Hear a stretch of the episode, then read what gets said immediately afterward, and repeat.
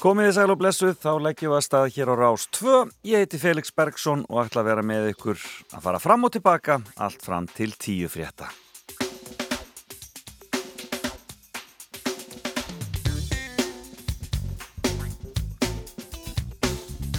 Og ég fæ góða gesti til mín eins og alltaf hér á lögadagsmórnum.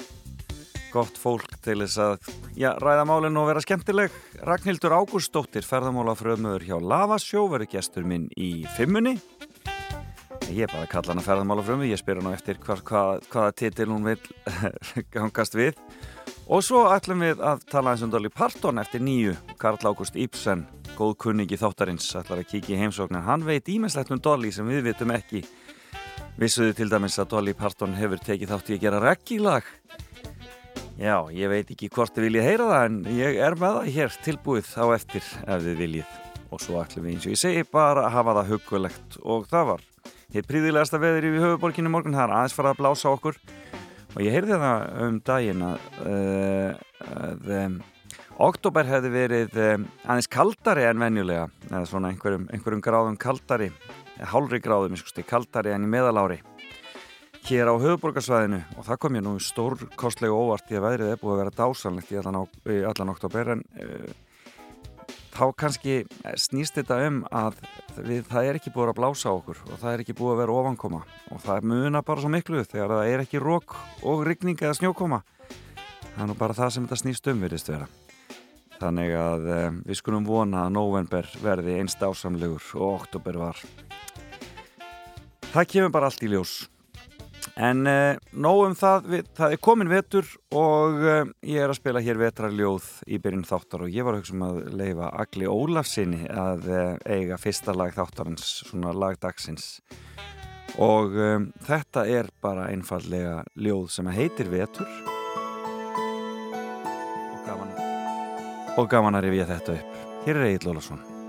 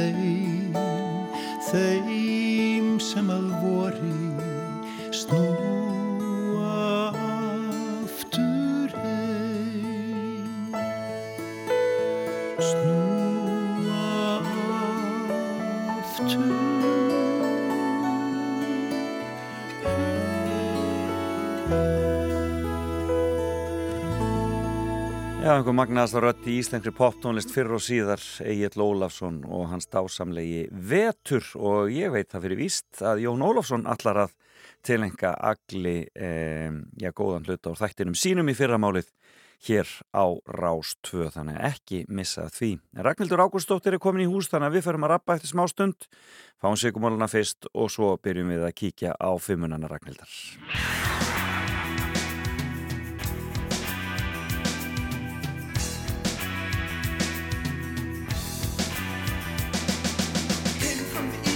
Relative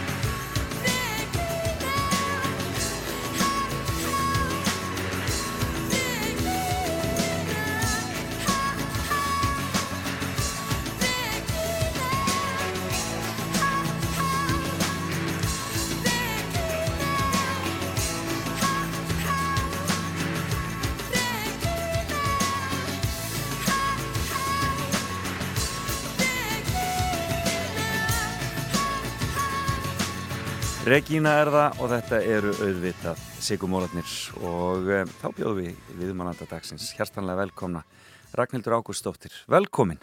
Takk fyrir. og uh, ég kynnti þessum ferðamálafrömmuð en, en, en það má bæta við annari öðrum titli sem er markastjóri. Já, það er rétt. ha, maður, er, Mar það er margt í mörgu. Það er margt í mörgu, en þú ert ekki að vinna í rauninni uh, í fullu starfi hjá lavasjóinu. Ég er náttúrulega bara stopnandi fyrirtækisins á samt manninu mínum. Já. Þannig að hérna, við, þetta er náttúrulega svolítið svona, þetta er eitt af börnurum. Já.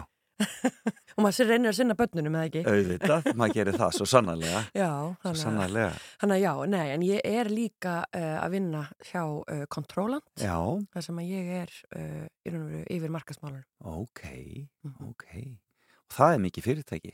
Já, það er alveg bara gríðalegu vöxtur Já. búin að eiga sér stað þar. Þetta er fyrirtæki sem að e, er og veru með tæknina á baku það að flytja lif með örugum hætti frá framlegenda og til í raun og veru þeirra sem þurfa á lifjunum að, að halda Já, hérna ekki. og, hérna, og, og var svolítið svona prímusmóturinn í því að koma öllum bóluefnum Pfizer til dæmis í, í faraldrinum e, til skila akkurat. Þannig að- Það sáum við eitthvað um þetta í fjölmiðlunum. einmitt. Og það, þannig að það hefur stækkað alveg gríðarlega og það- við, við þá, þá við þá uh, við það æfintýri allt saman. Heldur betur, já, ég, fyrirtæki er raun og verið búið að hoppa bara á tveimur og halva ári úr sko að vera með undir 50 manns og vera í vel yfir 400 manns. Þetta er ótrúlega. Þannig að það er, það er nóg að gera. Og þú búin að vera þarna allan þennan tíma? Nei, nei, nei, nei, ég byrjaði fyrir halva ári. Nú það er svoleiðis, já, já, já, þannig að þú... Ég er algjör nýgræðingur, en svo, svo fyndið það sko, þó ég sé ekki búin að vera nema hálft ár, Já. að þá, þá er svo hérna mikil fjölgun Já. Að mér er farið að líða eins og bara einhverjum gamlum hundi þarna sko. Þannig Já, hérna hér, já, þetta er svona, svona gerist þetta. já, já, En gott að fá þig til mín og uh, gaman og maður svona, ég búin að, uh, var, búin að tala við þig hérna fyrir nokkru síðan og að, að svona hita upp í að fá, fá þig til mín á einhverjum góðum tímapunkti. Í millitíðinni var, þarna kviknaði í, í Lavasjó í Reykjavík. já, þetta er búin að vera smárús í banni.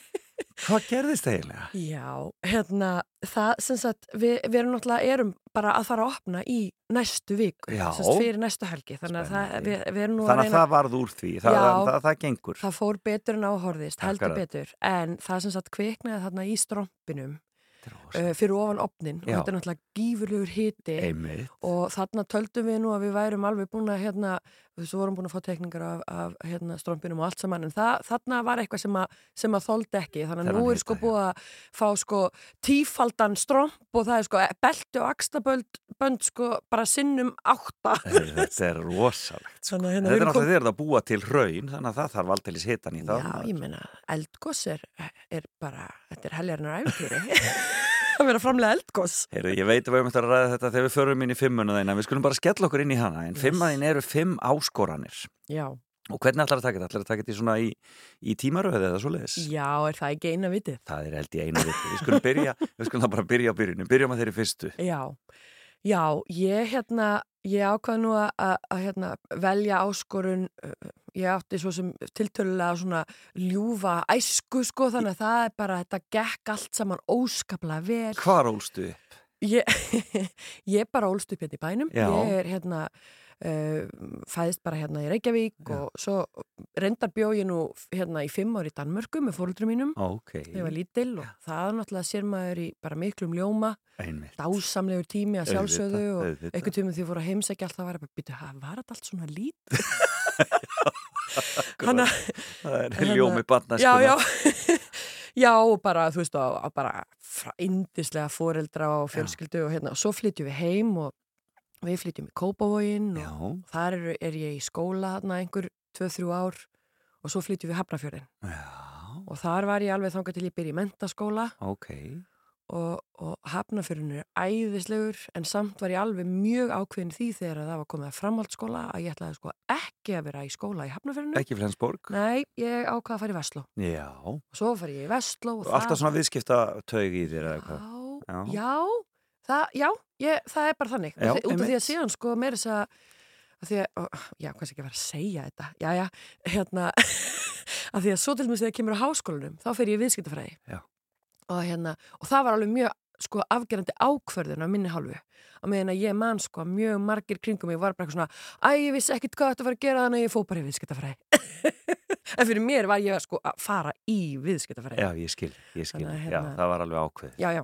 En hver er fyrsta áskorunin? Fyrsta áskorun er síðan uh, þegar að drengirnur okkar, við sem sagt hjónin, ég gift. Júliusi, Inga Jónssoni uh, og við um þrjá drengi saman og við eignum þess að tvo drengi 2007 Já, og 2009 það er tvö ára á milli þeirra og svo flytjum við til Danmerkur 2010 já, á þínar gömlu heimaslóðir. já, svona næstum því ég er endar bjóð í Horsens sem að þegar ég var lítil sko Íslendinga þarna- nýlendunni. já, já, Mm. akkurat þarna á, á, hérna, á, á Jótlandi en við flytjum til Köpinn Já, og áskurinn er semst svo að þegar við erum búin að vera þarna í Köpinn í eitt ár að þá greinast strákarnir okkar með einhverfu báðir tveir. báði tveir Já. þannig að það, það var svolítið svona já það var svolítið svona högg skulum við segja, þetta kom okkur svo opbáslega og óvart Já, einmitt. Og þá eru þeir bara nokkur ára gamlir bara. Já, eh, semst, þá er eldri strákurinn þá er hann uh, hvað, fjagra og háls og svo yngri er raun og veru bara Tveggja ára. tveggja ára tæplega þannig að hérna, já, þannig að þetta var og þú veist og við vorum með svo ofbáslega ránkvömyndir Já. um einhverfu Já. á þessum tíma við Já. höfum einhvern veginn aldrei kynst neinum sem var á einhverju rófinu Einmitt. Og hérna þannig og, og þú veist og, og fyrir vikið þá, þá einhvern veginn bara já, maður var bara með, með allt aðra hugmyndum það hvað einhverja væri heldur en hvernig okkar dásamlu drengir væri að því að sko, já, ég, til dæmis ránkvömyndirnar er bara eins og það að hérna, ég held einhvern veginn bara einhverfir bara horfðu aldrei í augun. Já, væru bara algjörlega einhvern veginn í sínum eigin heimi, þú veist, er svona algjört bull já, sem var bara eitthvað sem maður hafi pikkað upp úr einhverjum bíómyndum og eitthvað svo leys einmitt, já, reynmann. já, og já, eitthvað og hérna, og sko strákarnir okkar alveg bara þvílíkir knúsu bánsar skiluru bara dásamlegir Já. og ég bara, það, það getur bara ekki verið en þetta er Já. og, og var og, og hérna og við þurftum náttúrulega bara svolítið að átta okkur á þessu Já, þetta hefur verið mikil áskorun og, og mikið áfall kannski svona til að byrja með. Eh, já, þetta var það, alveg bara klárlega og hérna og, og veist og, þetta, og það sem kannski var líka svolítið áskorun í þessu var að við vorum náttúrulega í Danmörku Já. svolítið svona eh, langt í burtu frá okkar fólki, veist og Hvað voru þið að gera þarna? Voru þið farin að vinna þarna eða voru þið Heyrðu, meira námi? Já, eða? við vorum bæði í sagt, uh, háskólanum sagt, í masters eða meistarnámi Já, ég skil. þannig Þannig að þetta Var, og, en hvernig líst þetta sér þá í rauninni hjá strákunum þínum? Sérst, Eh. einhverja, hver, hver, hver er þeirra? sko, já, þetta er náttúrulega einhver væri alls konar Já, og hérna og uh, í raun og veru, þú veist og, og svo náttúrulega bara eru þeir núna þú veist, núna eru þeir orðin sko 15 ára og 13 ára hérna, þannig að veist, það er, það, það, hérna, það er líka bara mikill þroskipuna í þessi stað og alls Einmitt. konar og þeir eru bara úlingar og eins og úlingar eru og en já, þeir eru mjög ólíkir Já. í einhverjunni sinni Já. og hérna og sem að gera þetta líka svolítið flókið af því að við bara eitthvað svona byrju, þeir eru ekkert eins Nei, skilur við, hvernig geta þeir báðir Er verið ekki einhverfa bara einhverfa, Já. skilur? Já. Akkurat, sem að er bara akkurat sönnun þessa, ef þú þekkir einn einhverjana þá, þá þekkir einn einhverjan Og hvernig fóruð þið inn í þetta? Bara fóruð þið þá bara í rauninni að fræða ykkur? Eða... sko, sko þetta kemur raun og veru upp þannig að við flytjum til Danmörkur Mm og eldri strákurinn okkar þá, þá voru þeir bara tveir þó við um þrjá núna -hmm. að þá hérna uh, hann var nú svona búin að vera, hann fæðist sem, sagt, sem fyrirburi hann hérna hafði svona átt svolítið erfitt með uh, hérna já, hann var, hann var svolítið óskýrmæltur var greindur með málþróskaröskun áður Ókei. við ferum til Danmörkur Já, og við vorum alveg fyrirfram fyrir Danmörkuföruna, búin að vera hafa svona smá ágjur af þessu þetta verður þetta allt í lægi og vorum búin að vera svona ræða við sérfrænga um þetta auðvitað. En þetta var allavega ekki búið að koma upp áður en flytjum til Danmörkur en svo þegar við flytjum út að þá kemur það bara rosalega fljótt í ljósa hann var bara engan veginn að ná tökum á dönskunni. Skil. og semst fjórum mánum eftir að við flytjum út og hann byrjar hérna í leikskóla og var með fullt á öðrum íslen, íslenskum börnum á þessum leikskóla líka, við byggum hérna á svona kollegi, hérna mikið Íslendinga nýlenda hérna og, og þá í raun og veru hefur leikskólinn samband og er bara svona, heyrðu þú veist, bara, hann talar ekki eitt orð í, Í dönsku, og við hann er búin að vera hérna í rúma fjóra mánuði og þú veist, og þá voru bara hinir íslensku krakkarnir bara, bara þýða. Skilur, þau voru farin að tala dönskuna eh, krakkar eru svo magnaðir sko.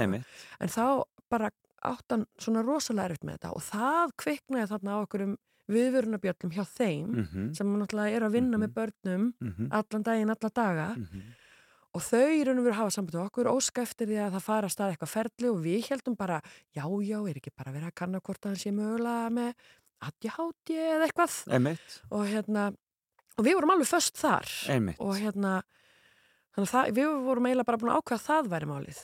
Og svo einhver málþórskaröskun þannig að hérna, þegar síðan einhverjum kemur upp í dúrnum þannig að einhverjum mánuðum síðar þá bara brá okkur rosalega. Já. og svo náttúrulega bara förum við heim í fullkominni afnitun bara til þess að lesa okkur nú til um einhverju og afsana þetta Akkurat, já, það Gjörðu svo vel. Já, akkurat, já, fara bara í það mál. en hérna, en, en, en svo náttúrulega þegar við fórum að lesa okkur til um þetta þá náttúrulega bara fórum við átt okkur á því að já, væri hann hér. væri nú bara hann væri nú sennilega bara einhverfur og, og að það væri ekki bara hann sem var einhverfur heldur væri litla skottið sem þá var hann bara eins og hálsás um, um það liti Já.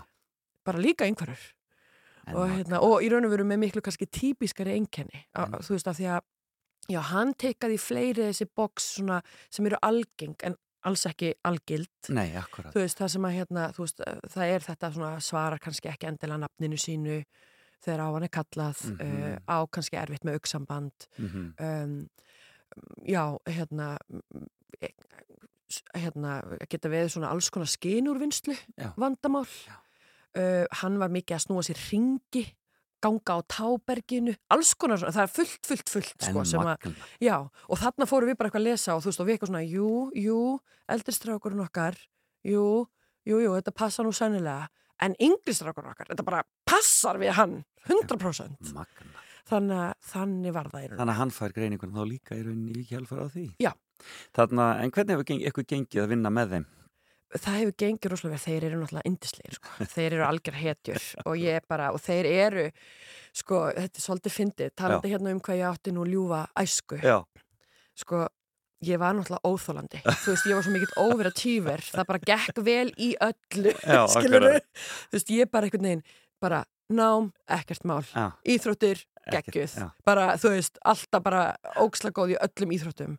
Og bara félagslega bara ekkert mál, ekkert vesen bara, hérna, ekkert endilega vinsalust en bara e- ekkert vesen Nei, nei, akkurat. bara var hann bara í skil. hóknum og hérna þannig að þannig að fyrir mig var að mörguliti bara rosalega holdt að eignast síðan bara börn sem að eru kannski ekkert endilega alveg þarna Nei, og bara átta mig á því að það, það er bara fullt af fólki sem er bara glíma við alls konar Nákvæmlega. og, hérna, og þeir, þannig að þeir eru búin að vera rosalega svona þroskandi fyrir mig að eignast þessa geggu drengi sko. En jú, jú, ég meina þetta gengur bara upp og niður og alls konar. þetta er ekkert Já. alltaf auðvelt. Nei, nei, ég ætla ekki að fara inn að gráðgötur með það. En þeir eru frábærir og þeir hérna, þeir eru svo flottir þú veist, þeir alveg bara tala og, hérna, og geta lært og, og við hérna erum bara í þessu að Einn dag í einu. Einn dag í einu, já, já, já En hvernig gengur með, með svona mikið, ég menna þið bæði hjónin í miklu, í miklu, mikilli vinnu og mikilli alltaf í einhverju, einhverjum ævintýrum? Jú, jú, þetta er alveg alls, þetta, þú veist, er maður ekki bara alltaf að gera sér besta Nákvæmlega. Jú, jú, við erum bara að reyna að hérna, láta þetta ganga upp um, Geta strákarnir verið með ykkur í þessum? Í þessum Sko þeir eru ævintýrum? að einhver leiti kvatin. Já, Það, hérna, þú veist, fyrst þegar og það, það er nú tengist inn á áskorun sko tvö. já, við skulum bara fara þangað. Ok, já, já, allt í lagi, að hérna, sem sagt, að þegar við flytjum heim, Já, að þá, hérna, og, og ég meina, við höfum sjálf verið með alveg gríðarlega ránkvæmyndir, Mhm. ekki satt, um, eins og ég sagði, um ein, einhverjuna. já, akkurat. Og þegar við flytjum heim, að, að þá náttúrulega er maður að hitta alla sem að maður þekkir og, og, og hérna, og það voru allir svo, svo yfir máta sjokkeraðir. Bara eru þeir báðir einhverfir. Bara eins og þetta væri að versta sem hefði geta gæst þetta er alveg sömu drengirnir vissulega áfall en þú veist það breyttist ekkert. Nei, þeir voru akkurat. alltaf einhverfir. Nákvæmlega. skilur við bara nú vissum við það. Nú, já, akkurat, nákvæmlega. þannig að hérna að þannig að, og þetta fór þú veist og auðvitað er fólk að meina vel skilur, ég skil það alveg en það fór samt eitthvað svo í töðar á mér. Já. Sem er mjög öfugsnúið af því að ég hefði, hefði sjálf pottet verið þarna hefði þetta verið einhvern mér tengdur þannig að hérna að tiltölu fljótlega þá förum við að stæði því í það á samt hérna góðum hópi fólks að stopna samtök Já, einmitt. og það hérna þau samtök voru styrtafélag barna með einhverju Einmitt. og markmið þeirra samtaka það voru og eru uh, samtök til dæmis einhverju samtökin og, og það eru alls konar, hérna, alls konar vinna, frábær vinna í gangi en allt sem var eh, var kannski meira svona að vinna með og gagvart þeim sem eru nú þegar að lifa og hrærast í þessum heimi. Ég skildi, En það sem að okkur fannst svo opaslega vant að væri nú vera almenn fræðsla. ég skildi, já. Að bara, að bara einhverfa er bara, þú veist, alls konar og þetta er bara róf og hérna, og við erum bara eins ólík og við erum mörg og bara svolítið svona fyrir ekki slettun og svona unstigmatæsa þetta, bara reyna bara að gera þetta, bara, þetta er bara eðlur hluti af, af lífinu Nákvæmlega. og hefur alltaf verið, við bara Nákvæmlega. höfum ekki endilega að vita það. Þannig að hérna, við förum að staði það að stopna þetta félag sem að uh, var lengi vel að, að hérna, með bláan april Já, já, já, já. og. Uh, og ég var þarna í forsvari fyrir því og það var náttúrulega mikil áskoruna því að það var náttúrulega allt sem hann gert í fullkominni sjálfbóðavinnu Já. uh, en náttúrulega alveg og þú veist og maður var að reyna eins og maður gata bara opna umræðina og bara þetta væri ekki eitthvað svona já, er einhverfur, skilur Já, akkurat, akkurat, já. þú veist, heldur bara, hérna, bara, bara ein, hann er einhverfur og bara segja það með stolti. Það er líka að mínu mati bara miklir, hérna, margir eiginleikar sem að einhverjur hafa sem að geta hreinlega bara verið styrkleikar. Þannig að ég, og, ég og við sem vorum í þessu vildum bara svolítið svona að það er bara rætt um þetta Og almennt það, og við vildum svolítið fara í grasrótina Já, Þannig að við vorum mikið að tala við og svona beina spjótum okkar að bara börnum.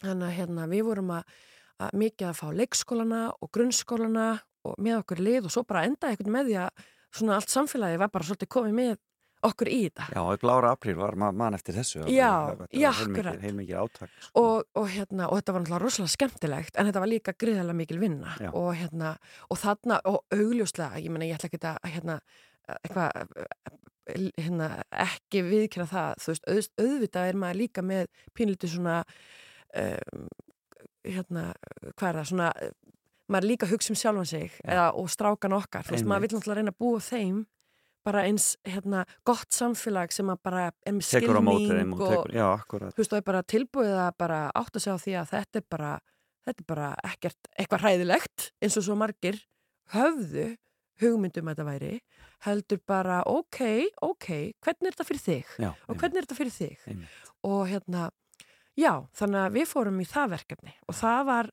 opaslega gefandi og gaman en svo bara endaði eiginlega með því að ég var komið með of marga bolta og ég bara Já. varða hætta ís Já, akkurat. Þetta var eiginlega bara var mikið. mikið, Já, og það var raun og verið þegar að- við förum af stað með, með fyrirtækið okkar, Já, akkurat. sem er áskorun þrjú. Já, ég er sennilega að hoppa allt og rætt Þetta er bara frábært og, hver, og það er, er, það er sagt. Það er lafasjó, það er þriðja áskorun. það er þriðja áskorun. Og það er náttúrulega bara, ég geti náttúrulega að tala um það í allan dag. En hvernig kom svo hugmyndu upp?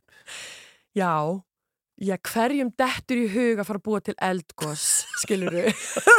það dettur náttúrulega engum í hug að gera þannig um að vera hálf bilaður. Og eiga tvö einhver börn. já, já, einmitt, akkurat. já, við, við erum náttúrulega galinn, hjónin, sko. Við erum það pínlítið, en kannski er það það sem gerur okkur áhugaverð, ég veit ekki. Já, akkurat, en það er þess að þarna, Við- og hvena, hvaða ára er þetta sem þið farið að staðna? Sko, við, við opnum í Víki Mýrdal 2018, hausti 2018. Já, En hugmyndin kviknar sko voru 2010. já einmitt, þetta er svona langur prósess í raunin að búa svona til. Já, eða þú veist, við verðum byrjuðum nú ekkit svona einhverju, ég skal bara, ég skal bara hérna byrja byrjunni. Þess að 2010 var það þannig að við, að, að þarna gósið á fimmvörðahálsi sem var þarna mánuð á undan stóra eigafjallajökuls Einmitt, akkurat. gósinu að það eldgós var náttúrulega magnað eldgós og, og, og óvinnlegt á þýlitunum til að Nákvæmlega. það var tiltölulega aðgengilegt. Mm og við erum svo lánsum að fara þarna og upplifa þetta. Og þú veist þennan, þennan 200 metra raunfoss niður í gilið í sko neon appisungulur Já. í andstöðu við þú veist snjóin og svart sko harnað Akkurat, þetta var bilað. Það bara, það, það er ekki hægt að útskýra Nei, þetta var magnað. Nákvæmlega. Og þarna og við hérna erum svona viðskiptaþengjandi og, og höfum alltaf verið svolítið frjó og sérstaklega maður minn hann er alveg bara hann er herra ljósapera Ding. já, já, og sér eitthvað eknar á því. Já, veist, það- ég, ég er svolítið í því stundum að brjóta perurnar af því að veist, hann fær ofmargar hugmyndir sko, svona akkurat. draga niður nei, ég segi, ég ætla ekki að brjóta perurnar. Ok, ég dreig þetta tilbaka. en slökk á þeim svona í ég bíli svona, þú veist, heyrðu, geimdu deyfa ljósið. Sett hann inn í ljósaperu hérna skápin já, akkurat hérna, já, og, og við fyrir að ræða þetta og hann er náttúrulega bara eitthvað, þú veist, bara í fyrsta lagi byrjar hann bara eitthvað, þú veist, bara vonandi verður þetta eldgós bara alltaf í gangi og þá verður við bara nýja Hawaii já, og svo náttúrulega hætti þetta bara eftir, þú veist, þrjár vikur eitthvað og, og færri komist aðeins vildu og sem sáu, gáttu að sé þetta og þá byrjum við að ræða bara, þú veist, þetta er bara eitthvað sem allir verða að upplifa, að minnstakosti einu sinni á æfinni. Já. Þetta er náttúrulega bara stórbrotið að, að komast í návi yfir raun. Og eins og núna eh, bara flestir Íslandingar sannlega vita sem hafa farið upp að. Færdarsfjalli já, uh, hvort árið sem er þetta er náttúrulega stórkostlega upplifun að sjá bara nýja jörð verða til. Nákvæmlega. En það er ekkert alltaf þannig að þú komist alveg nálagt rennandi hrauninu þó þú sért að horfa á það. Nákvæmlega. Og þú veist og svo náttúrulega mjög oft sem að eldgós eru bara, bara stór hættuleg og, og bara alls ekki að, að, aðgengileg þannig að við byrjum að ræða þetta þú veist, ok, já, það þurfa allir að fá að upplifa þetta en hvernig, við höfum ekki hugmyndi hvernig við ættum að gera það. Og hérna, og svo náttúrulega, svo, svo þannig mittiltíðinni fá strákatur okkar greininguna og bara lífið svolítið svona tekur, völdin. þannig að við settum þetta bara svona til hliðar. Einmitt, inn í ljósapæriskápin Já, já, akkur inn í ljósapyrskápin. Þú veist, nú var bara fókusun á strákan okkar og hérna og á, á bláan apríl og, og Mhm. allt það. Uh, en svo 2015 og þetta, eh, sko, ég mani þetta svo vel, ég þetta bara svona ljóslífandi fyrir mér, að sem sagt þarna einhvern haust, fallegan haustdag já, uh, 2015, þá setjum við hjónin og vorum við búin að fá pössun fyrir drengina aha, og við setjum á hérna, hérna, hérna tíu drópum já. kaffehúsinu sem Já. var á, á lögveginum, og við setjum hérna og við erum eitthvað að drekka kaffi og spjalla og eiga svona moment þú veist Akkurat. sem að maður á ekkert alltaf þegar að, hérna, maður er með ung börn og, og sérstaklega ekki börn með hérna, sérþarfir og svona. Og þá segir alltaf um maður heyrðu, ég rakst á svolítið um daginn rakst á myndband, ég verð að sína þeirra þá var það á YouTube og hann sýnir mér og þá er það af einhverjum, einhverjum tveimur vísindamönnum í háskóla í bandaríkjunum já, sem eru að bræða hraun í vísindaskyni. Og hann bara manstu þarna hugmyndin okkar? Akkurat. Og, og ég bara þetta er geggjað. Og hérna og við bara bara sendum tölvupóst já, og bara hvenær ætlaði að bræða hraun næst? Og það var þarna bara mjög stuttu eftir og við bara, megum við koma? Og þau bara, já já. Og svo bara keftum við miða og fórum. Og þeir sögðu sko við okkur þegar við komum út og sko það er endalist að fólki hafa samband við okkur. Það kemur samt bara enginn. Nei, akkurat nema þessi klikkuði hjól frá Íslandi þetta er dásanlegt þannig að við mætum þarna bara og segjum þeim bara þú veist, og við vorum náttúrulega alveg búin að sjá þetta fyrir okkur og búin að tala oft um þetta skiluru, mörg ár. Þannig að hérna þannig að við svolítið svona segjum þeim hvað við erum með í huga og hvað okkur langar að gera og bara viljið þið vera með? Og þau bara eitthvað, já já. Og þannig gerist þetta. Já, þannig að þeir koma í raun og verið inn með svona aðferðafræðina. Já, ég skil. Og hérna og svo eru við í raun og bara að láta þetta síðan gerast sko. þannig að hérna, og þarna fer þetta stað þarna bara síðan segir maður minn upp starfinu sínu já, og frá áramótunum þarna 2015-2016 síðan þá hefur hann ekki verið að gera neitt annað heldur en að gera fólki klift að upplifa eldgoss í návíi. og þeir náðu það að opna 2018 Já, svo hérna 2016 tökum við þátt í gulllegginu uh, með frábærum árangri uh, förum inn í Startup Reykjavík aha, og hérna og já, og í raun og veru tökum þar og fáum bara tölverða aðtegli þar já, og vorum náttúrulega algjörlega blöyta bak við eirun og heldum sko við myndum geta opnað um sko þá um sumarið alveg dream on eins og maður ekkert. já, akkurat. En þetta er alveg svolítið þannig sko hérna það hvað maður veit lítið er nú mikil blessun sko af því að ég er ekki vissum að við hefðum endilega farið í þetta hefðum við vita hvað er það mikil vinna nei, akkurat þannig að hérna já. það er stundu, það er stundu dótt gott að vita það ekki fyrir Já. og nú á Já. opni Reykjavík og nú á opni Reykjavík, já. Þannig að sko í raun og veru eru þannig að, að hérna, og, og þú veist og, þessi áskorun að opna í vík, sko, ég er bara rétt hálnu sko. Já, þetta, er, þetta er dramatíkinni bara rétt að byrja. Heyrðu, við sko taka okkur smá pásu. Hlustum á lítið lag sem þú baðst um uh, uh, úr kvikmynd. Yes. Þetta er Jónsi hérna og lag úr uh, uh, dregamyndinni, hvað heitir How hún aftur? to train, Your, your, Dragon, dragon, akkurat. Já. Sticks and Stones. Hlustum aðeins á það og höldum svo áfram að spjalla Ragnhildur Ágústóttir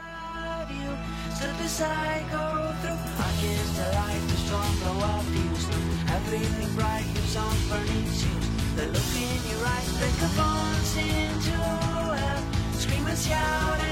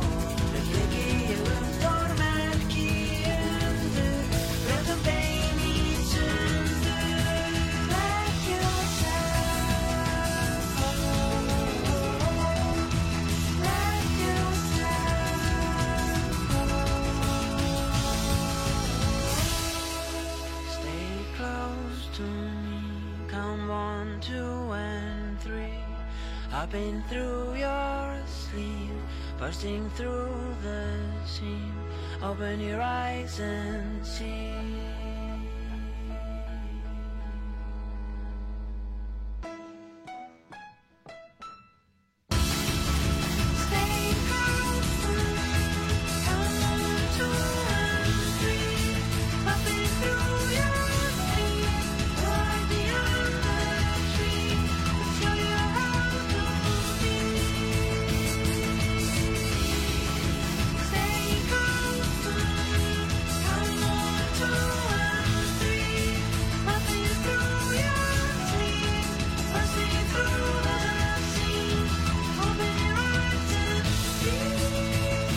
þetta er Jónsi og lag sem að eh, heitir Sticks and Stones og sýnir kannski hversu hans er stór víða um heim að hafa þarna sami lag fyrir þessa stóru kvikmynd. Ég held gott að þetta var ekki bara tilnæmt til Óskarsvölun og þetta var val viðmælata minns sem er Ragnhildur Ágústóttir sem situr hér hjá mér. Þetta er vinsalt lag hjá ykkur í fjölskyldinni. Já, við sko hérna það er svolítið fyndið að strákundin okkar elska þetta lag þeir elska þessa mynd Auðvitað. og þeir elska, elska, elska þetta lag og við notum þetta sem pepplægið okkar á mótnana En svo að keira daginn í gang. Þetta er akkurat svoleiðis lag. Þetta er svona, já, svona svakalegu trommutaktur og, þarna, og stuði í þessu, sko. Þú veist, og þeir eru sérstaklega hérna úlingspildarnir sko, Já. þetta er bara eins og kannski úlinga fóreldrar vita, Já. það getur tekið á að koma viðinu fram úr. Og þetta er svolítið svona go, go, go. Já, nú förum við að stað. Frábært, skemmtilegt. En við vorum að tala um lavasjó og það er nú ekki, sagan er nú ekki öll þar. Við vorum Nei. að tala um þessar áskoranir, fimm áskoranir Yes, og þú ert í miðju, miðju lavasjói. Ég er í miðju lavasjó. Já, já, sem sagt að það, hérna, við hérna, tökum þátt í Startup Reykjavík 2016 og svo náttúrulega bara fer að stað vélinn, að láta þetta ganga upp finna peninga, finna þetta. peninga, finna húsnæði Nákvæmlega. og við ætluðum alltaf að opna í Reykjavík Já, það var nú alltaf upprænna planið svo Já. bara gekk ekkert að finna húsnæði sem annarkort passaði. Ég meina við erum að bræða hraun. Áttum okkur á því. Nákvæmlega, þetta, nákvæmlega. þetta er ekki bara inn í næsta hús. Það þarf að vera ákveðin aðstæð til staðar og loftrasting og, og alls konar. Já, og hérna ákveðin lofthæð og, og hérna, já. Og svo, en svo kemur upp á durnum sem sagt, hérna hugmynd að opna í Víki Mýrdal Mhm. sem var náttúrulega í, að mörguleiti alveg stórkostlega hugmynd vegna þess að Vík er bara vinsæll ferðamannastæður Eitt sá allra vinsælasti. Já, bara, fólk kannski veit það ekki en sagt, að það er mjög hátt hlutfall allra ferðamanna sem koma til landsins sem fara til Víkur Já, svo eru margir sem stoppa þar og fara tilbaka Nákvæmlega. fara ekki alla leið til dæmis að Jökulsálóni eða ringin, við Nákvæmlega. en hérna, og, og svo vitt svo til að maðurum minn hann er hérna ættaður úr sveitinni Já. fyrir Austanvík og hann hérna uh, er og, og, og, og ólst upp við sögu Aha. sem var sögð af langafa hans sem að lendir í köllugósinu 1918 og við náttúrulega bara, heyrðu, þetta er fullkomið. Við setjum söguna inn í síninguna sem við gerðum. Og, það, og hún hefur fengið svo góða viðtökur. Og snertir fólk svolítið sko, af því að hún er ákvæmlega dramatísk. Og við erum náttúrulega rosalega stolt af þessu af því að þannig eru við sko ekki bara að gefa fólki þessa upplifun að fá að komast í ná yfir raun og finna hitan og þetta er náttúrulega bara stórkostleg sko, upplifun fyrir öll skinnfærin en þannig eru við líka að segja bara sögu Mhm. Við Sögu okkar þjóðar. Já, og bara hvernig það er að búa við bara það að vera með eldfjöll í bakgarðinum bara Akkurat. og hérna og, og þessi saga var náttúrulega bara svona svolítið við það að falla í glimsku Já. Og okkur finnst svona, já, við erum mjög glöð að hafa náð svolítið svona að endurveki hana En það var náttúrulega annað í Vík að það var í rauninni ekkert svo mikið, mikil afþreying fyrir ferðamenn þar. Það var ekki mikla afþreyingu þar að finna í rauninni á, á þessum tíma Sko, kannski. sko saga víkur er í raun og veru alveg stórkostleg Já. vegna þess að hérna, þetta, litla þorp í raun og veru er bara núna, þú veist, orðin bara svona miðstöð afþreyingar Akkúrat. svolítið á, á hérna, út á, út á landi Akkurat á Söðurlandi. Já, og hérna, og þarna er bara sko komið alls konar, það er komið zipline og, og það er náttúrulega að lafa sig og augljóslega Einmitt. svo er hægt að fara þarna og fljúa þarna yfir drangana og af reynisfjalli og, og það er svo margt hægt að gera Já. og, og Víki Mýrdal er komið með sko ég held að síðasta talan hafi verið það eru 11 staðir með vínudíkaleifi sko þú getur fara á pöpparöld Já, okkar í Vík. í Víki Mýrdal Og gríðalögu fjöldi náttúrulega hana, erlendra hana, innflytjanda þar sem að eru að vinna í, í túrismannum og vinna heldur í þessu. þessu Já, og bara hafa gætt hérna, bæjarlífið, bara miklu lífi sko. Nákvæmlega, dásanlegt að koma. Já, þetta er frábært, þetta er, þetta er æðislega staður. En hvernig var tilfinningi þegar þú opnuðu 2018? Hún var náttúrulega algjörlega stórkostleg að, sko, að láta þetta gerast. Og við vorum stanslust að fá, sko, eða það er nefnilega að finna, við vorum stanslust að fá frá fólki sem til dæmis var með okkur í startu Breykjavík eða tengdist þessu einhvern veginn, bara svona, já, þið eru ótrúleg. Ég meina, þegar ég hitt ykkur fyrst og þið voru með þessu hugmynd, hún var náttúrulega geggjuð, en að þið skildu raunverulega láta þetta gerast, þið eru galinn. Já. Þannig að hérna, það, það svona voru margir sem fannst hugmyndi kannski skemmtileg en hafa ekkert endilega trú á því að þetta myndir raunverulega Já, gerast. akkurat. Þannig að hérna, það var æðislegt. En það sem að var náttúrulega algjörlega galið í þessu öllu er á sama tíma og við erum að opna lafasjó í Mhm, Vík mhm. að þá eignumst við þriðja drengin. Já, já, já. Þannig að hérna, og, þannig að, og hann fæðist þarna um vorið 2018 Já. í, í loka apríl og við erum að opna þarna í, um, í september byrjun 2018 Já. þannig að, og, og þetta var í Víki Mýrdal og við erum náttúrulega búum í bænum uh, hérna, og þar eru drengitur okkar náttúrulega stóru að fá svo mikla aðstóð Einmitt og í skóla og það. og allt saman, allt saman. Þannig, að, þannig að það kom í raunveru aldrei til greina raunverulega að flytja austur Nei. Og þannig að við, ég og, og drengirnir, við vorum í Reykjavík og svo var bara Július maður minn, hann var í Víki Mýrdal þannig að við vorum saman. í Já. fjárbúð Á meðan þú ert að eignast batnið og með nýfætt batnið og svo þess. og bara í þarna og sko í raun og veru enda það með að vera í sko þrjú til fjögur ár Þetta er rosalega. og hérna og, og svo sko ofan á það eignast nýtt barn og, og það bara vita það allir fóreldrar að það er bara stuð og stemning Einmitt, að þá náttúrulega er ég líka með hinatfótrengina einmitt. og á þessum tíma var stærsti hérna elstistrákun okkar að gangi í gegnum líka til viðbútar við hérna við það sem hann bara er að glíma við bara dagstælega að þá, þá hérna uh, semst, byrjar hann að fá flóakost og hann fær blóðsjúkdóm í ofanalag og þetta tvent fer opaslega illa saman Já. Af því að hann var sérst með hérna, blóðflugfæð, kallast þetta og ef að maður fær flóakast að þá náttúrulega kramparu og þú getur dottið og þú getur fengið höfuðhögg og alls konar Já. og hann mátti alls ekki fá höfuðhögg út af blóðsjúkdónum því að hérna, blóðflugfæðin er verið gera verkum að blóðið storknar ekki Já, þetta er alveg ótrúlegt. Þannig að þarna var ég stöðugt upp á barnaspítala með sko nýfætt barn með einn hérna á kantinum og svo með einn veikan bara, sem var stanslust bara með blóðnesi og þetta var rosalegt. Og, og Július í Vík og náttúrulega bara að deyja úr samskupiti fyrir að geta ekki verið að hjálpa, skilur, þetta var náttúrulega bara erfitt fyrir alla. Auðvitað. Þannig að hérna, þetta var daldið dramatísku tími og þarna var ég alveg aðframkomin og endar, endar bara í, í, á Og- botninu bara. Já, og þú veist, og það, og ég náttúrulega reyndar ekki alveg strax, ég alveg sko er uh, vandraðalega þrjósk. Já. og hérna, og, og alveg bara fór í svona þrauk, eh, svona eh, mót, Já. bara þrauka, þrauka, þrauka, þrauka. Og hérna, og var hérna náttúrulega í fullu starf, þarna var ég að vinna hjá Microsoft. Já, ok. Uh, þú ert alltaf að halda annari vinnu á, á móti á meðan þetta allt saman er í já, gangi. já, við erum við erum þarna að stopna fyrirtæki, Einmitt. hjónin já, sem er náttúrulega ótrúlega spennandi og skemmtilegt. Já. en einhver þurfti nú bara að sko, koma með salt í akkurat þannig að hérna, og halda bara fjölskyldunni gangandi og þannig að, hérna, að þannig að ég tók það hérna á mig og, og þetta var bara rosalega erfitt og svo kemur COVID Og Sem var nú já, já. mjög erfitt bæði fyrir fyrirtækið en sko, ég var að vinna hjá Microsoft og hvað gerist í COVID? Það fara allir að vinna heima og Akkurat. það sem ég var ábyrg fyrir hjá Microsoft var raun og veru þetta skrifstofu umhverfi og Teams og það allt saman.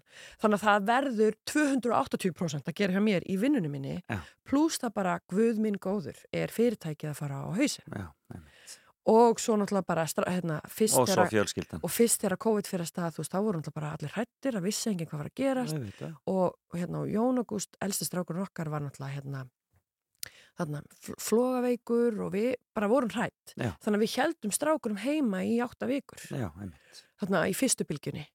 Þetta var allt saman það mikið að það endar með því að ég fer bara í kulnun. já, það bara endar Og það er eitt af erfiðasta sem ég hef bara lendi í.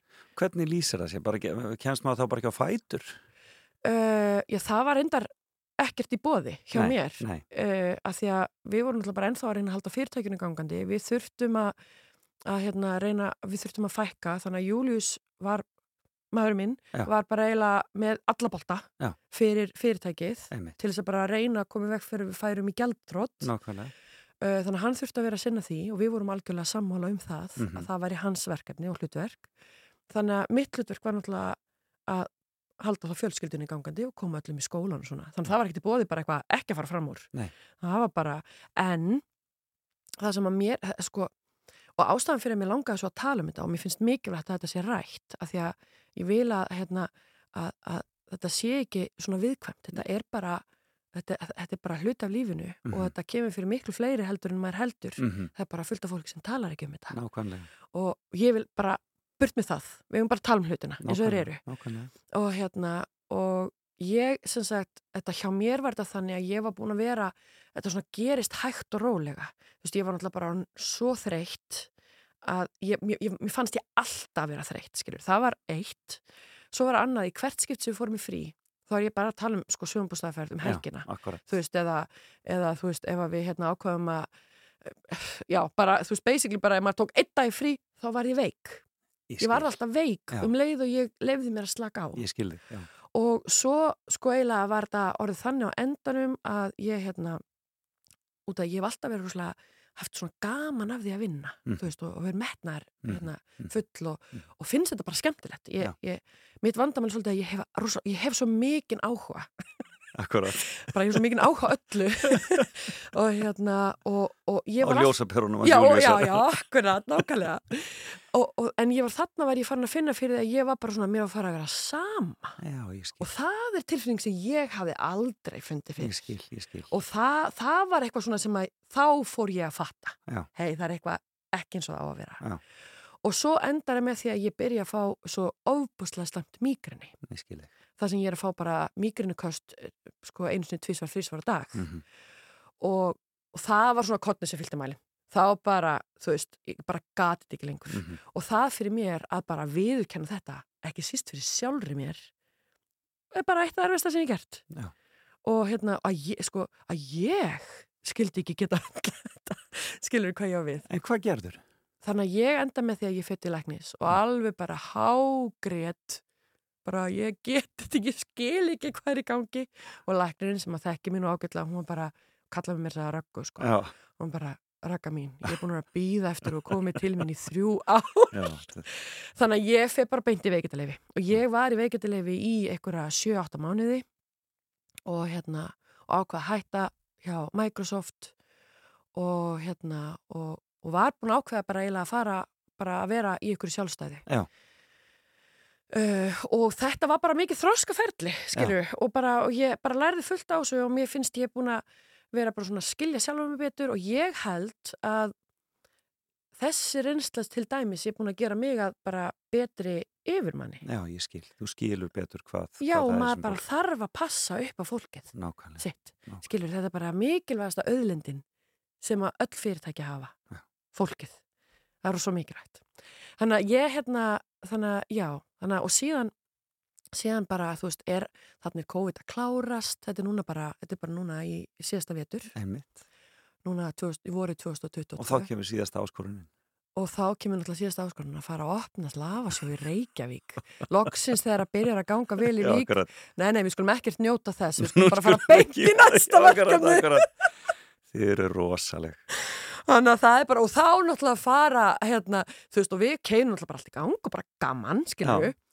Og svo erum við alveg að fara að opna, en þú veist, það er allt búið að hækka ókslega mikið verði og þú veist, og bara erfitt að fá, hérna, yðnaðamenn, við erum reynda búin að vera með sjúklega gott fólk með okkur í þessu, við erum svo sjúklega heppin, sko. En þú veist, það er allt búið að hækka, erfitt að fá, hérna, rétta fólkið, þú veist, og hérna, aðfangakeðjan, þú veist, að fá bara bræðslopnin Já. til landsins var Þetta bara meiri var meiri háttarmál. Og við bara svona, já við ætlum að opna í byrjun sumar og svo bara, neða við opnum sannlega mitt sumar. Nei, heyrðu, þetta verður í haust. Og svo erum við bara alveg að fara að opna og þá kviknar í.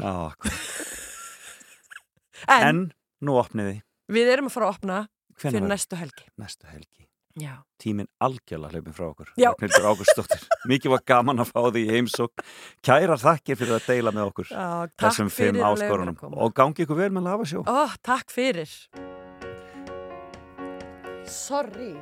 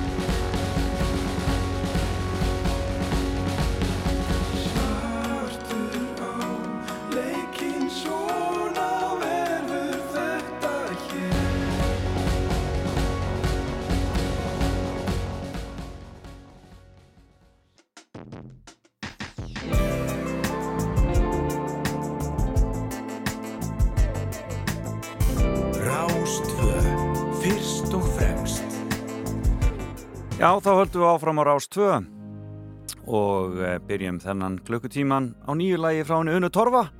Fyrverandi heitir það. Þreytir fætur dansa einn Við barinn svona kortir í fyrir þrjú Og vinkonan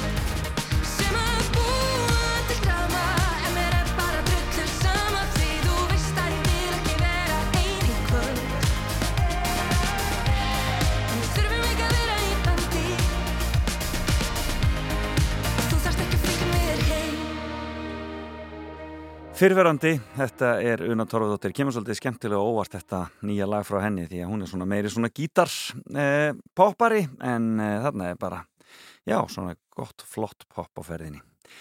Já, við fengum hana Ragnhildi Ágústóttur hér hjá okkur í morgun og það var svo mikið að tala um, hún var með fimm áskoranir, það var fimmann hennar og þvílíkar áskoranir sem hún hefur þurft að, glíma við í lífinu Eh, og eh, en það verður spennandi að þegar að lafa sjó opnar í Reykjavík núna eftir tæpa viku og þá, þá vonandi eh, fer þetta nú alltaf á beinubrutina hjá þeim hjónum eh, og það kviknar ekki eftir í. Við skulum vona það.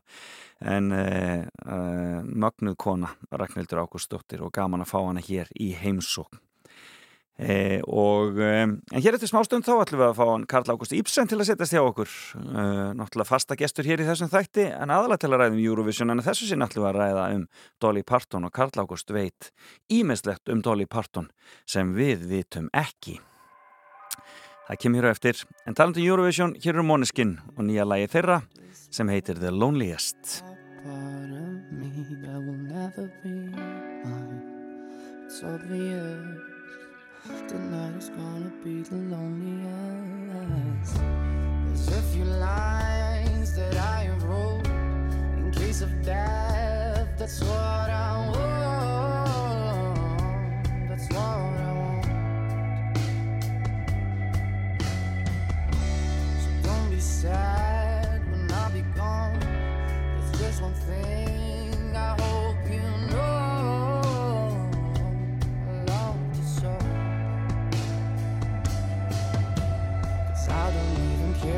the time I've got left. here. The only thing I know now is that I wanna spend it with you, with you. Nobody else here. Tonight is gonna be the loneliest.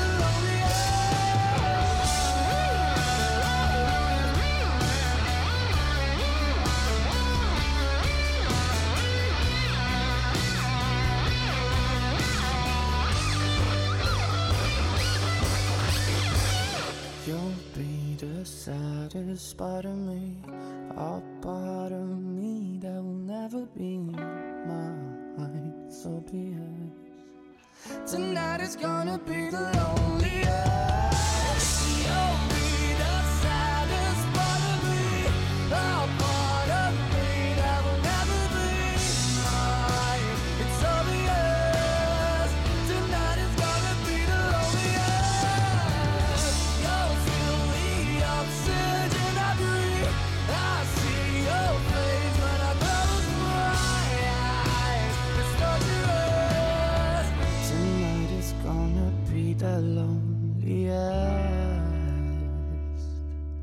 Velkomin á Fætur. Fram og tilbaka á Rást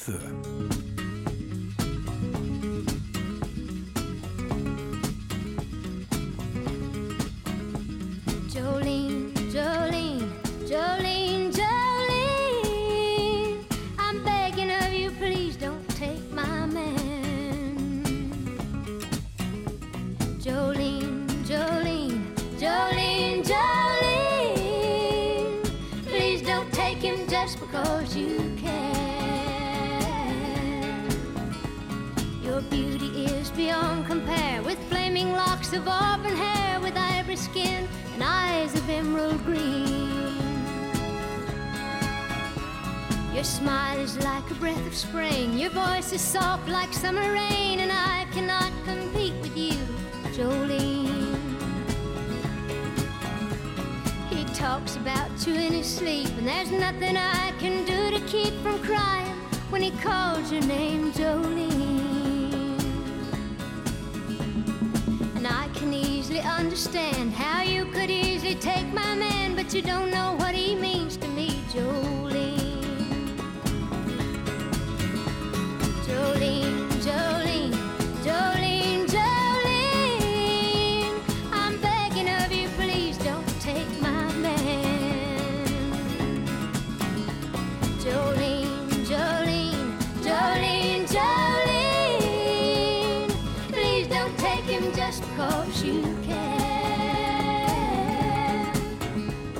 Já, hér er Dolly Parton, þetta ásanlega Jolene sem er náttúrulega lag sem fjallar um það hvað kallmenn séu viljalaus verkfæri og gera bara það sem konur segja þeim að gera. Og Jolene getur náttúrulega bara tekið mannin ef hún vill en svo getur hún líka skilað hann eftir hjá Dolly. Þetta er ótrúlega skilabóð og hann er sestur hjá mér Karl Ágúst Íbsen sérfræðingur í Dolly. Þetta er alltaf, þetta er Dolly spes. Já, gott en hún hefur sagt að reyndar að hún sjáu úðal eftir því að hafa, hafa verið að slást svona um að Já. kallin En þau eru hafingu samlega gift. Þau Karl Dean alveg frá 1966 Þannig að hún er að syngja um hann eða hvað? Já, þetta er, Jolene er gjaldkeri í bankanum þarna í Sevierville þar sem að þau uh, byggu Já, rétt hjá Nashville. Já. Og hún var svona ægilega falleg og hann var svona ægilega skotin í Eitthvað að henni. horfa til hennar. Já, já, og Dolly ákveður að semja þetta lag. En hún hér nú ekki Jolene, það er svolítið skemmtilegt að hún hérna hitti uh, lítið barn eftir tónleika, litla Já. stelpu sem að hér Jolene. Og hún sagði, þetta er svo fallegt nátt, býtt eftir, það verður í lagi hjá mér Og, hann og notaði samt notaði þetta Já, sem, mér finnst það að sætt sko. Já, en skemmtilegt en þetta er alveg, þetta er alveg magnaður magnaður, hérna, magnaður óður. Já, þetta er mikið leimt og hún, hún er ægilega sár í þessu lagi og hún á hérna góðan, gott kvót sem er hérna If you want a hit, make it hurt. Já, ef þú vilt að, að slá í gegn þá verður það að vera sárt þá verður að vera sárt. Og það er náttúrulega við um hvert einasta country lag held ég. Akkurat og lögin hennar að dolja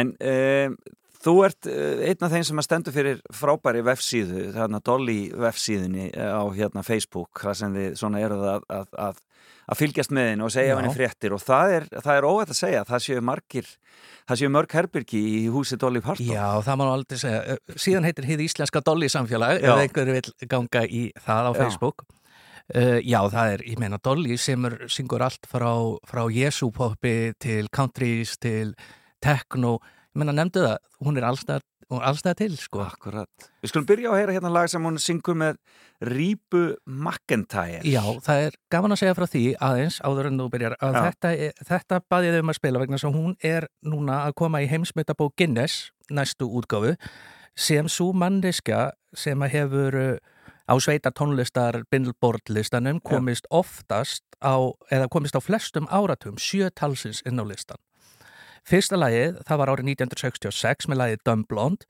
og það nýjasta núna, 2021, það er þessi duett með Reba McEntire, hættur Does He Love You? Heyrum þetta hérna. Svona, minnst að smá hluta af því.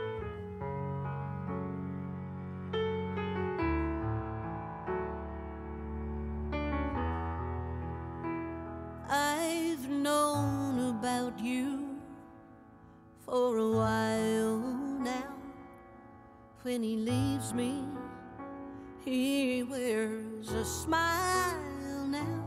As soon as he's away from me, in your arms is where he wants to be.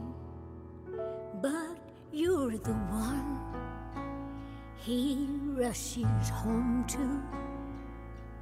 You're the one he gave his name to. I never see his face. In the early morning light, you have his mornings, his daytimes, but sometimes I have his nights.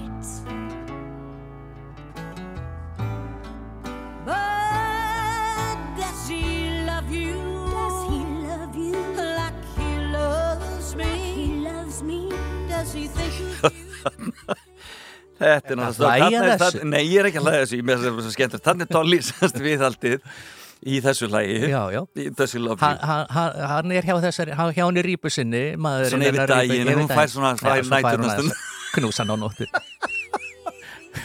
En þetta er semst sjöndi áratugurinn sem Dolly er inn á og En er þessi Reba McEntire ekki stórstjarnar er líka í country- líka? jú, risastjarnar og í raun sko í dag og síðustu kannski 20-30 ára miklu stærri heldur en Dolly. Já, það er að segja í vinsal, á akkurat. En Dolly er náttúrulega risastjarnar sem bara fyllir hérna hvern, hvern uh, stadiumin eða svona Já, já, risa algjörlega, tónleika risa tónleika, ég meina það, ég held að allir væri til í að sjá hann eitthvað Já. tónleikum en hún er náttúrulega, hún er nú, hvað er hún orðin guðmur? Hún er 76 ára, verður 77 ára núna í januar og hún er búin að segja að hennar eh, tónleikaferðalagatími sé liðin. Já.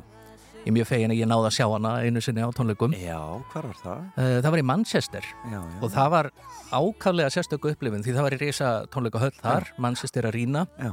það sem að Eurovision hefði verið haldið, hefði, hefði, Það farið þanga.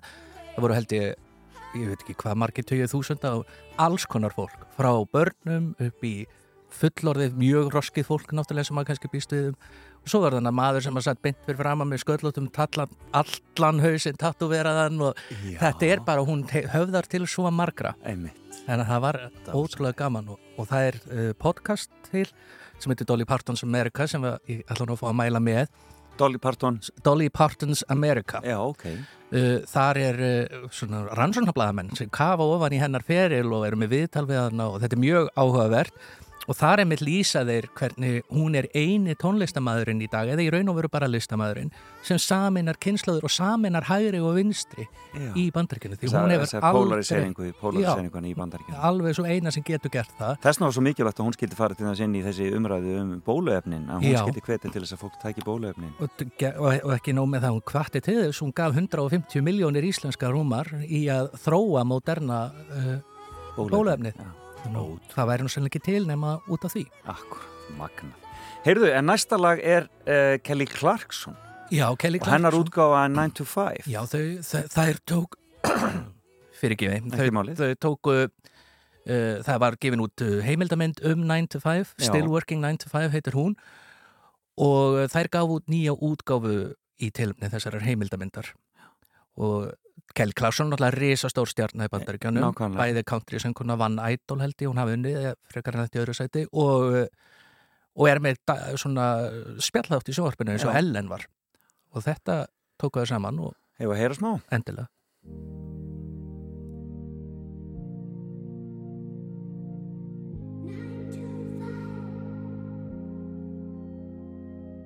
Tumble out of bed and I stumble to the kitchen. Pour myself a cup of ambition and yawn and stretch and try to come to life. Jump in the shower and the blood starts pumping. Out on the street, the traffic's jumping with folks like me on the job from nine to five. Mm, yeah, Working nine to five. What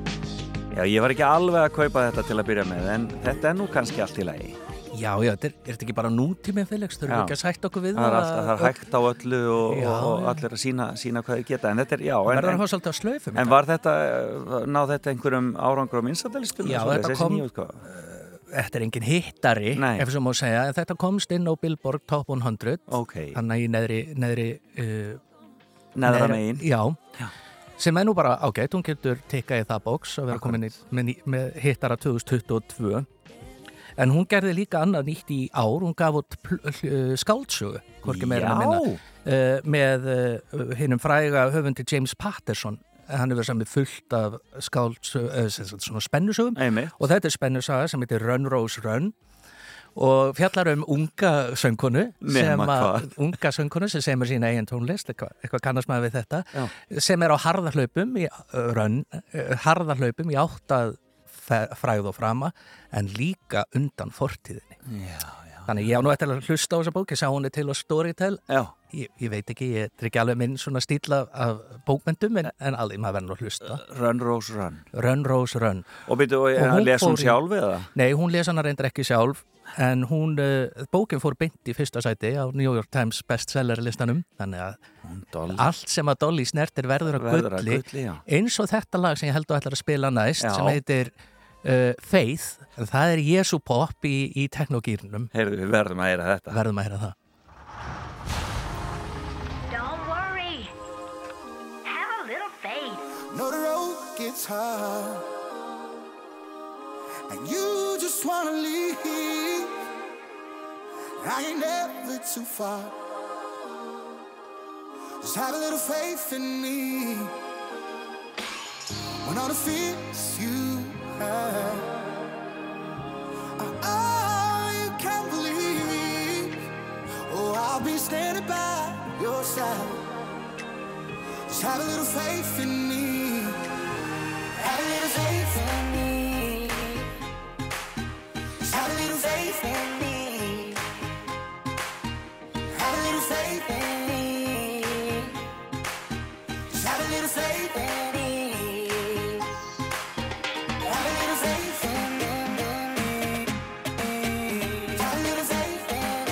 Já, já, þetta er ágætt, við skulum ekkert vera neitt að dvelja á lengi við þetta en þetta er semst þessi Galantis Já, frægur, frægur tekno Svona teknogauður einhver Já Semst Dolly dottin inn á klúbana sem sagt Dolly, já, já, ég menna, og þá, þetta, þú vissir ekki að ég ætlaði að tala um þetta, Nei. en hún náttúrulega er eh, höfundur að lægi sem að allir þekkja með annari söngkonu sem heitir Whitney Houston. Já. Það heitir I Will Always Love You. Einmitt. Uh, en hún var einu sinni spurðu því hvort að hún væri ekkert uh, sár yfir því að, að Whitney fengi allan, allan heiðurinn af þessu lægi. Og hún sagði, Whitney maður fá allan heiðurinn ef ég fæ allan peningin.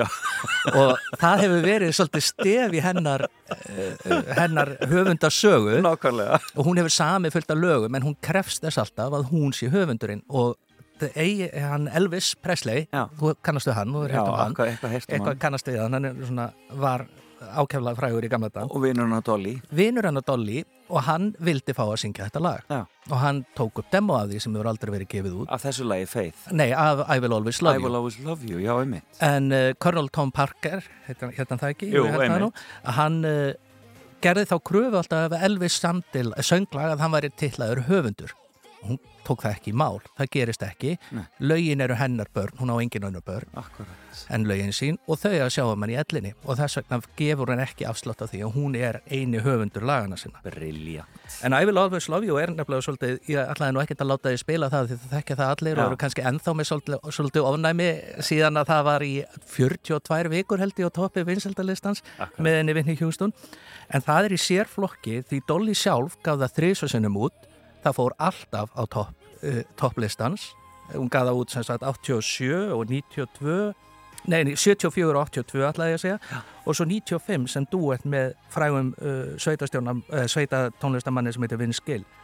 En svo kom við í Hjústunni á toppi 92 og dansútgafa svona, svo að því að þú varst að tala um að komast á klubin uh, hún komst á vinstaldalista 93 og svo var einhver bretti, einhver tjalli sem heitir Rick Wall uh, við Rick Waller og hann kom því á lista árið 2002 þannig að lægið, það hefur komist á vinstaldalista með 5 flytjendum og 4 áratum Ótrúlegt. Ég held að ekkert annarlega geti sagt, að sagt að segja svona um neitt nema kannski einhver jólalög. Já, akkurat, já, allir, einmitt, allir sé ekki jólulögin helst, Já. sko, Silent Night eða eitthvað leys.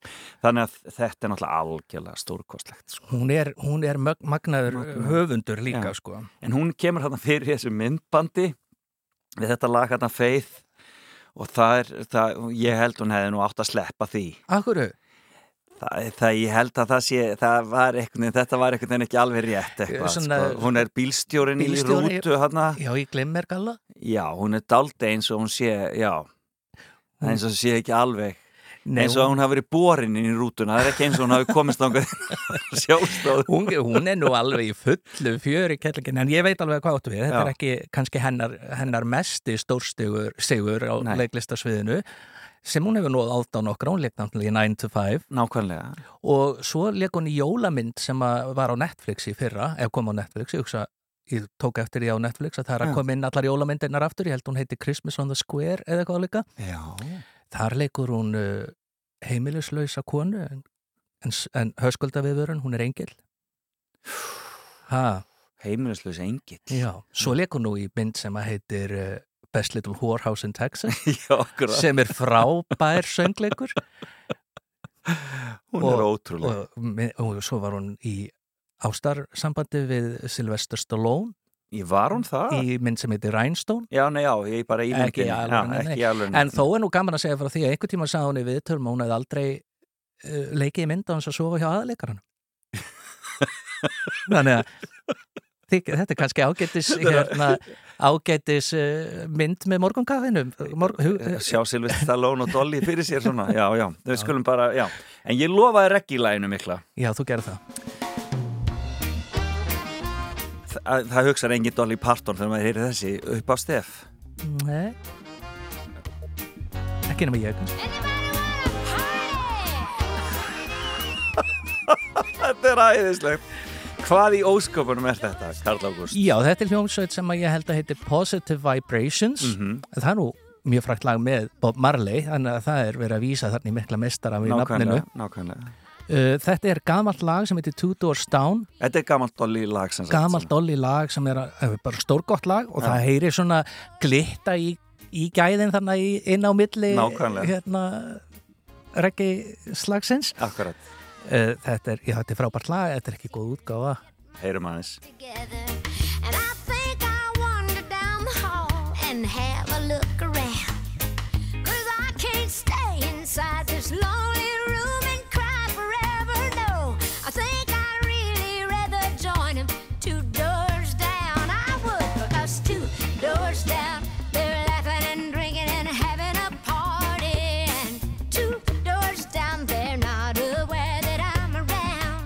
Já, þetta er príðileg lagasmíð en ég veit ekki alveg hvort þetta á að fara í reggi taktin. Nei, sta, það er ekki það er svona yfirleitt ekki vannlegt Nei, til vinnings. til, að, að færa lög í, í reggi búning þó að þau getur verið góð sem eru samin þannig sko. Er Dolly ennþá að koma frá sér efni? Er hún Já. ennþá í fullu fjöri hún er ennþá í fullu fjöri og hún til dæmis með þessari bók eh, sem hún gaf út, þá gaf hún út tóllaga plötu sem að heitir eh, heitir Run Rose Run Auðvitað. bara tólf frum samin lög til þess að fylgja eftir bókinni Eh, svo var að koma út mjög nýlega bara nokkra vikur síðan um, bara frábær plata eh, sem heitir Blue Bonnet Breezes Ok. þar sem hún fer svolítið aftur í ræturnar í sitt svona bluegrass dæmi og, og sérstaklega er lægið Blue Bonnet Breezes það, er, það byrjar svona á vísun í, í hérna heirheim, nei ekki heirheimnasmiður heldur uh, þá stólið úr mig það er sálmur. Sem að er hérna, sem er svolítið fallegur. Og það er svona gamaldags dolli með sögu þar sem einhver deyr og Já. elskeldur sem ekki mega mætast og Já. mjög fallegt lag sko. Sorg, sorgin. Sorgin selur, já, sorgin selur. Já, já, láta það vera sár.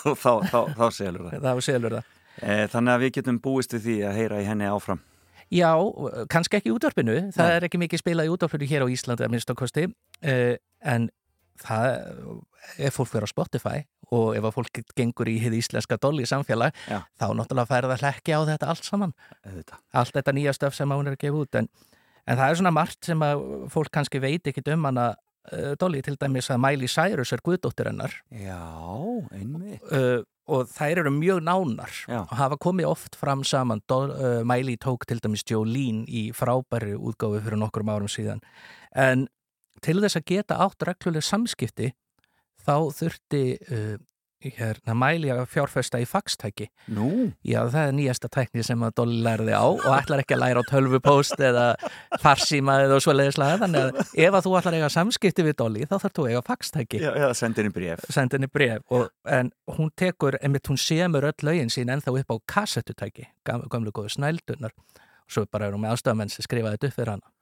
Dolly Parton er snillingur, það fer mála. Tíminn hlumum frá okkur. Karl Ágúst Íbsen Eigum við ekki bara að mæla með hennu íslenska Dolly samfélagi á Facebook? Gerum það? Það er farið að hrinja inn. Já, ég sé að það bara logar síminn, ég, ég hef ekki tíma til að tala við Það vilja allir, það vilja allir vera með í Dolly samfélaginu. Kærar þakki fyrir spjall og ég næðir í Eurovision þegar kemur að því eftir áramótin. Endilega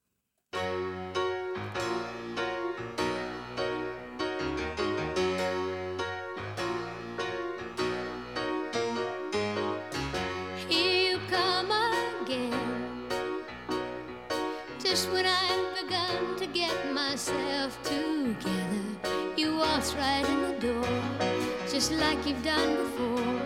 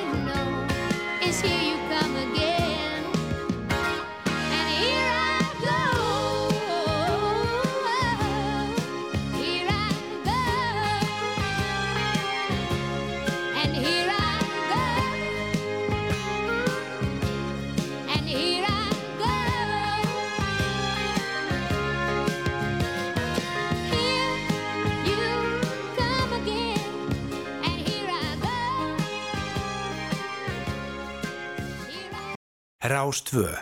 Með þér um helgar. með fólki, kanntu að standa með þér Þér ber engin skilda til að líða alltaf við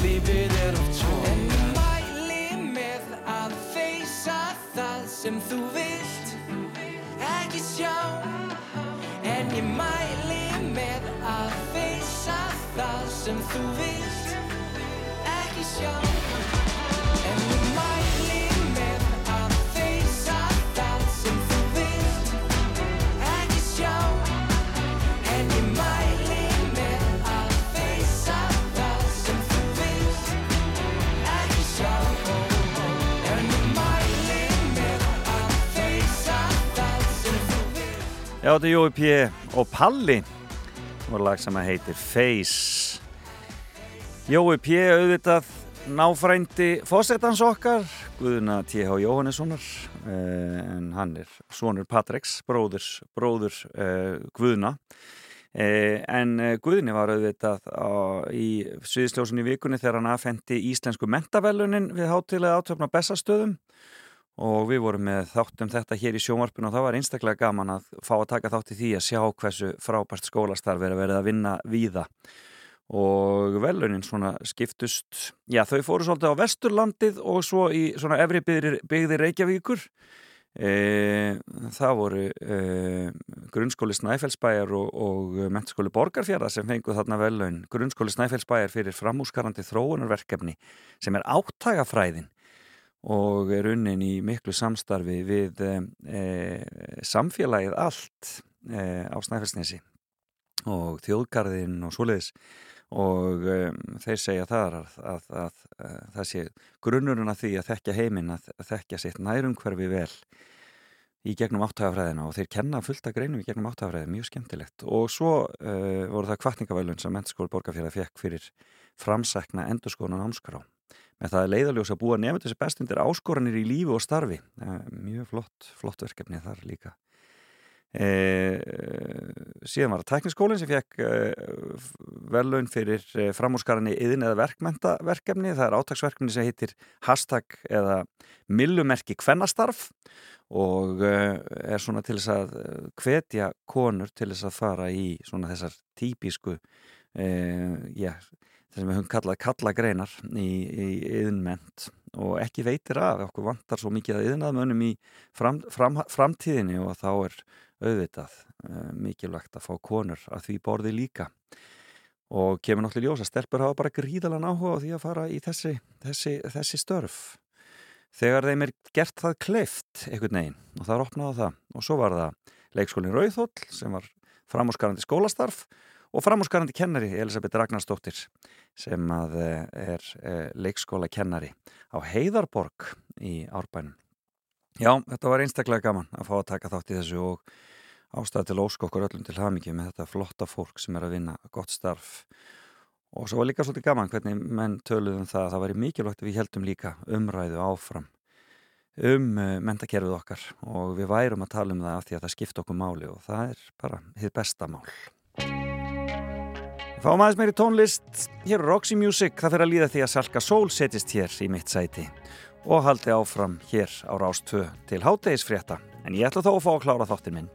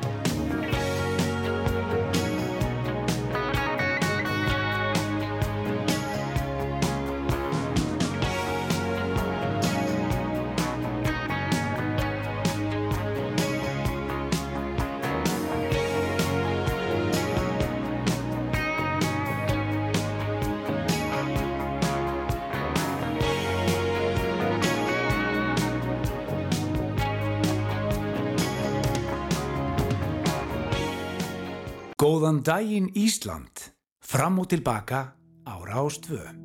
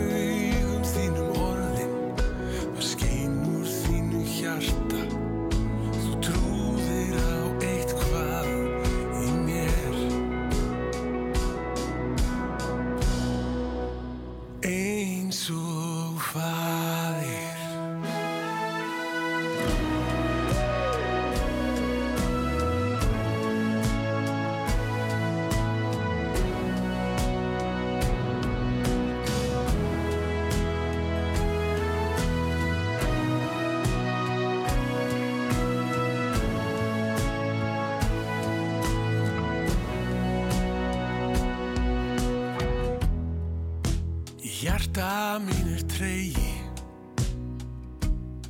Ég vil halda fast í allt eins og það er. Og á sumar björtum degi. Ég fyllist ennþá sorg að geta ekki lengur heyrt í þér. Ég ætla að dvelja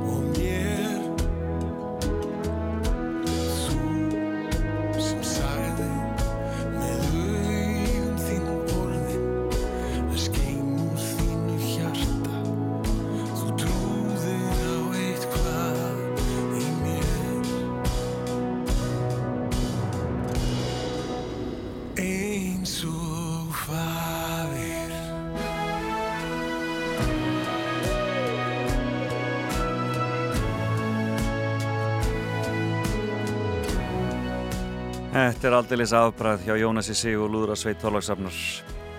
Fadir heitir þetta lag og þetta er næst síðasta lagið í þættinu hjá mér í dag. Búið að vera dásamlegt að vera með ykkur eins og alltaf hér á lögatarsmotni. Ég verð hér aftur eftir viku á mínum stað og hlakka mikið til að vera með ykkur. En um, Salka Sól tekur við hér eftir tíu fréttinnar og svo reykur þetta sig hér hjá okkur á Rástvö eins og alltaf á lögatugum. En ég þakka viðmælundum mínum sem voru frábær í morgun. Það var auðvitað hún Ragnhildur Ágústóttir, ferðamálafrömuður og markaðstjóri sem var hér í fimmunni og þar voru nú áskoranarnar aldeilis sem hún sagði okkur frá og svo var það Karl Ágúst Íbsen sem talaði um Dolly Parton og það var stórkostlega skemmtilegt. En heimust aftur þetta viku. Bless, bless. í stað þess að fljúa segja þér til sinna en segja þér satt viltu heyra sannleikið á ég að ljúa manstu lítinn dreng sem ljóka hann rassar og dag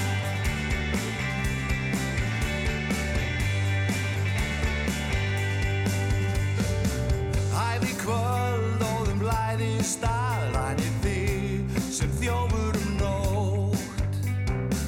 Ég veit ímislegt, ég veit hvað er að styttist þín sál verði sótt. Ertu búinn að skemmta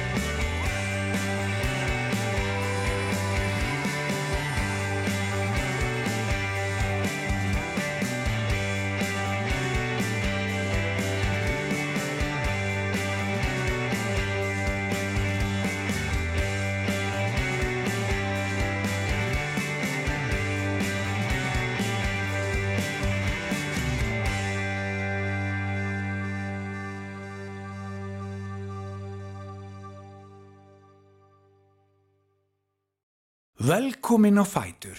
Fram og tilbaka á Rás 2.